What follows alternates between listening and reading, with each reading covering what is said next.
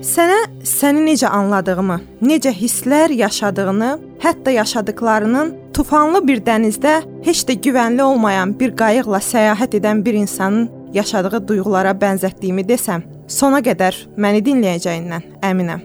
Çünki mən aylarla və bəlkə də illərlə yaşadığım depressiyanın sənə dediyi yalanlardan da danışacağam. Yəqin ki, sən də yaşadıklarının heç keçməyəcəyinə, heç kimin səni sevmədiyinə, uğursuz və doğmalarına xəyal qırıqlığı yaşadan biri olduğuna və cəzalandırılmağa layiq olduğunu düşünürsən. Və bütün bunlarla yanaşı ətrafındakı insanların özünü ələ al, iradəni topla, düzələcəksən. Hər şey özündən asılıdır deyib səni daha çox pis hiss etdirmələrindən də xəbərdaram və qeyd edim ki, depressiya insanın iradəsindən asılı olmayaraq yaşadığı bir ruh halıdır. Amma yaşadıklarında həyatın izlərini görürəm.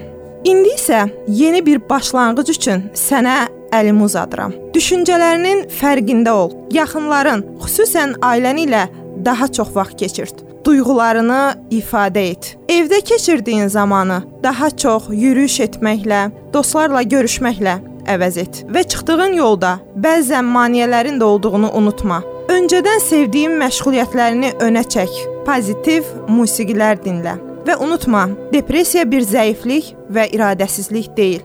Bu dediklərimi etmək bəlkə də sənə çox çətin gələcək. Amma bu rutinlər sənin depressiyadan çıxmağına kömək olacaq. Bəzən insan nə edirsə etsin, öz narahatlıqlarını aşmaq çətin olur. Sən də çətinlik çəkərsənsə, mütləq dəstək al.